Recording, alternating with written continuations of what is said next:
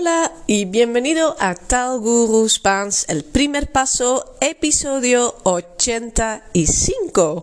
Aflevering 85 van Talguru Spaans el primer paso 85 y esta semana hago unos episodios cortos para principiantes. Deze week uh, plaats ik een paar korte afleveringen uh, met, een, uh, uit, met uitleg voor beginners. Maar misschien is het ook wel handig voor mensen die al verder zijn. Zitten er soms dingen tussen waar je overheen kijkt en waar je die je eigenlijk misschien zonder erbij na te denken vaak doet, omdat je dit ergens overgeslagen hebt. zou heel goed kunnen dat het je nooit ter oren is gekomen en dat je, dat je denkt: oh ja, zit het zo?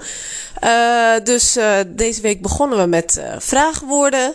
Als, je ze, als ze geen accentje hebben, dat ze dan geen vraagwoord meer zijn. korte woorden die van betekenis veranderen met of zonder accentje. Gisteren hadden we bezittelijk voornaamwoorden. Mi casa, tu casa. En aan het eind vergat ik toen nog. Um, bij, ik zei su is dus zijn, haar of hun. En daarna ging ik over op nuestro en vuestro. En dat dat mee verandert met geslacht en aantal. En ik vergat te zeggen dat su, dat dacht ik vandaag ineens aan, ook mee verandert met aantal. Je hebt su casa, sus casas, su hijo, sus hijos. Zijn kind, zijn kinderen. Of uw kinderen of hun kinderen. Uh, het kan verschillende betekenissen hebben. Dus su hijo, sus hijos. Uh, en vandaag wil ik het over iets anders hebben. En dat kwam toevallig gisteren in uh, een les die ik had met de groep, Spaans 1.1, ter sprake. Uh, en dat gaat over los articulos. Los articulos. En dan bedoel ik de lidwoorden. De lidwoorden in het Spaans. En dat is natuurlijk uh, el en la voor de en het. En in het meervoud is dat los en las. El coche, de auto. La casa, het huis. Uh, los coches, de auto's. Las casas, de huizen. En je hebt ook het onbepaald lidwoord. In het Nederlands is dat un. En in het Spaans un of uno of una. Uno is eigenlijk één. Dus un is een of una in het geval van een vrouwelijk woord. En waar we in het Nederlands zeggen een paar of enkele uh, in het meervoud, plak je er in het Spaans een S achter. Dus un coche, een auto. Unos coches, een paar auto's of enkele auto's. Una casa, unas casas. Goed, maar soms zijn er dus, en daar kwamen we tijdens die les, uh, hadden we het daarover, uh, woorden waar je geen uh, articulo voor zet. Dus geen um, lidwoord, terwijl we dat in het Nederlands wel doen. En de vraag in de les was waarom. Nou, ik kan je niet vertellen waarom, maar ik kwam wel op het, het voorbeeld dat het precies hetzelfde is andersom in het Nederlands. Bijvoorbeeld in het Spaans zeggen we. Um,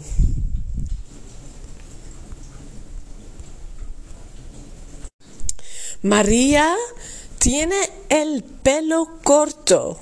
Dus we zeggen Maria heeft het haar kort heeft het haar kort. Dus daar zeggen we een lidwoord waar we dat in het Nederlands niet doen. Want in het Nederlands zeggen we Maria heeft kort haar.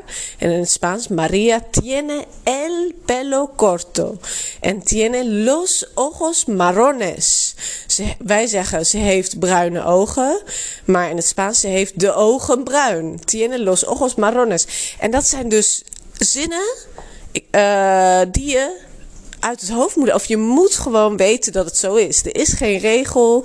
Uh, een ezelsbruggetje is er ook niet.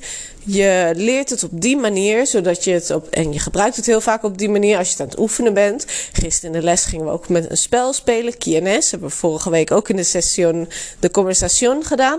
Een hele goede manier om dat heel vaak te gebruiken. Want je vraagt steeds: ¿Tiene los ojos marrones? O tiene los ojos azules?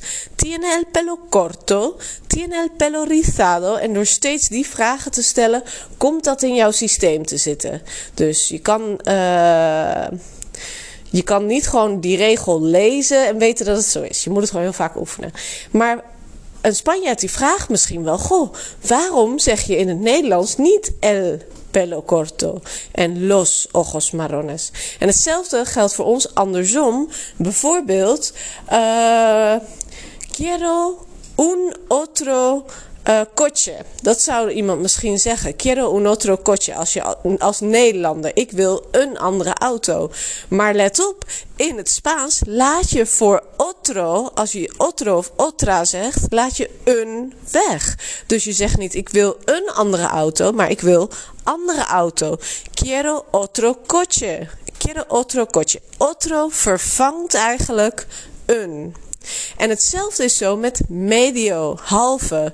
Wij uh, zullen zeggen: Ik wil een halve liter uh, bier. Ik wil een halve liter bier. Maar letterlijk zou je dus zeggen: Quiero un medio litro de cerveza. Maar dat is niet goed. In het Spaans zeg je quiero medio litro. Quiero medio litro de cerveza. Quiero otro coche, quiero medio litro de cerveza. Dus de woorden medio en otro, die vervangen het woordje un. Un laat je dus weg. En uh, het voorbeeld waar we, hoe we daarop kwamen, dat had dus ook te maken met uiterlijk omschrijven. En dat ging over iets dragen. Llevar gafas of llevar bigote of uh, tener bigote, tener barba of llevar barba kan allebei. Llevar coleta. Uh, dat zijn uiterlijke omschrijvingen, dingen die je draagt of hebt. Llevo gafas betekent ik draag een bril. In het Nederlands zeggen we een bril, maar in het Spaans laat je een weg. Llevo gafas. Ik draag bril. Llevo bigote. Ik draag snor. Llevo pendientes. Oh, dat is hetzelfde in het Nederlands. Ik draag oorbellen. Ach ja, soms is het ook niet zo moeilijk en is het gewoon hetzelfde.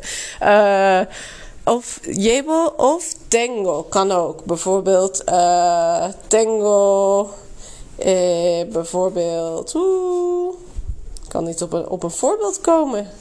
Jeetje. Uh, tengo, ja, tengo coche. Kun je ook zeggen. Ik heb een auto. Maar in het Spaans zou je kunnen zeggen tengo coche.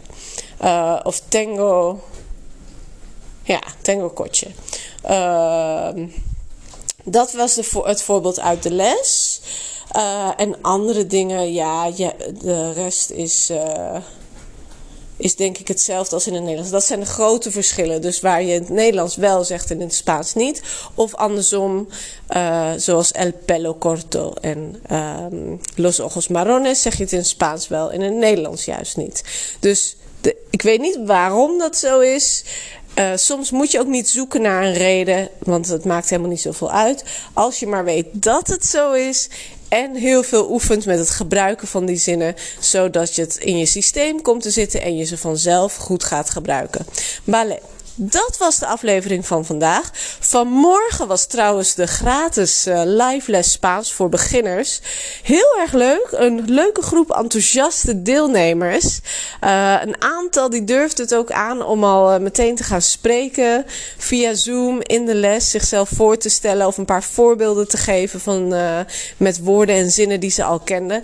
En ik liet ze zien hoe je op een makkelijke manier, hoe je eigenlijk altijd makkelijk moet denken als je in het Spaans zin wilt maken of een gesprek wilt voeren, maak het niet te moeilijk. Die tip wil ik je ook meegeven. Denk altijd makkelijk. Probeer altijd vanuit het Spaans te denken. Dus niet eerst een zin in het Nederlands in je hoofd en die te vertalen naar het Spaans. Denk in het Spaans, denk eenvoudig en dan uh, zul je snel stappen vooruit maken. Maar uh, ja, ik vond het heel erg leuk om die les te geven en ik wil er nog eentje doen.